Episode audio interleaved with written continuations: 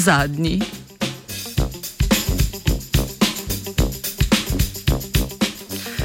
V zadnjem letošnjem znanstvenem Britofu poročamo o meritvi hitrosti zvoka v hladnem atomskem plinu.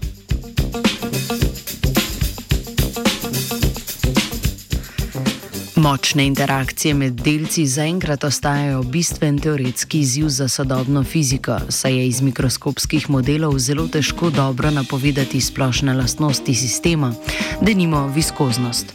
Pojavi povezani z močnimi interakcijami na povsem banalni ravni predstavljajo tehnološki horizont, zato poglobljeno razumevanje na tem področju znanost zasleduje že nekaj desetletij.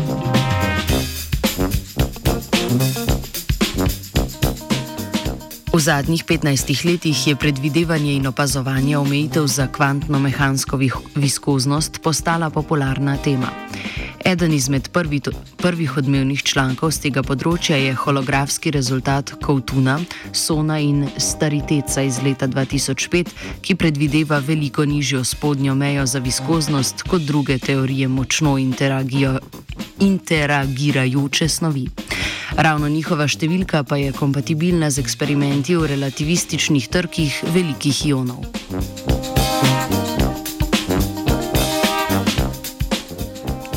Eden izmed redkih načinov za testiranje te vrste teorij v sodobni fiziki so sistemi hladnih atomskih plinov.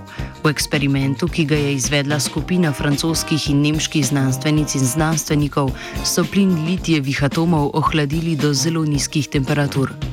V teh okoliščinah postane za obnašanje plina pomembna njegova kvantna narava.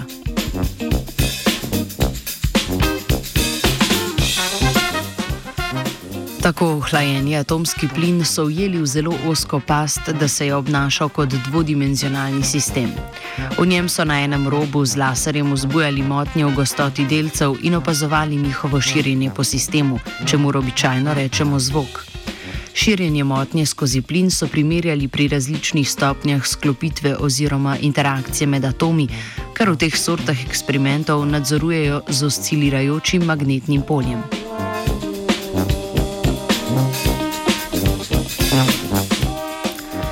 Pri tem plinu bi bilo morda bolj nazorno govoriti o tekočini ali celo o medu. Gre namreč za težko zmes, kjer se konstituiteti zelo pogosto sipajo eden na drugem.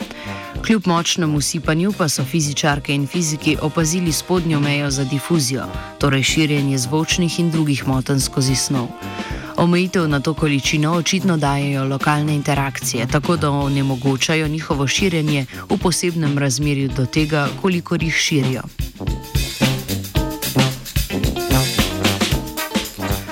Omejitev eksperimenta je, da ne omogoča pogleda v temperaturno odvisnost preiskovanih količin, po drugi strani pa rezultati ne zahtevajo posebnega, tako imenovanega kvantnega kritičnega režima. To implicira, da so rezultati pomembni v širšem smislu, kot se je zdelo do sedaj. Podobno omejitev za difuzijo so sicer opazili tudi pred približno desetletjem v nekoliko drugačnem eksperimentu, z novimi meritvami zvoka pa domneve o najmanjših možnih vrednostih za disipacije pridobivajo vedno večjo kredibilnost. V hladni plin se je zataknil Martin.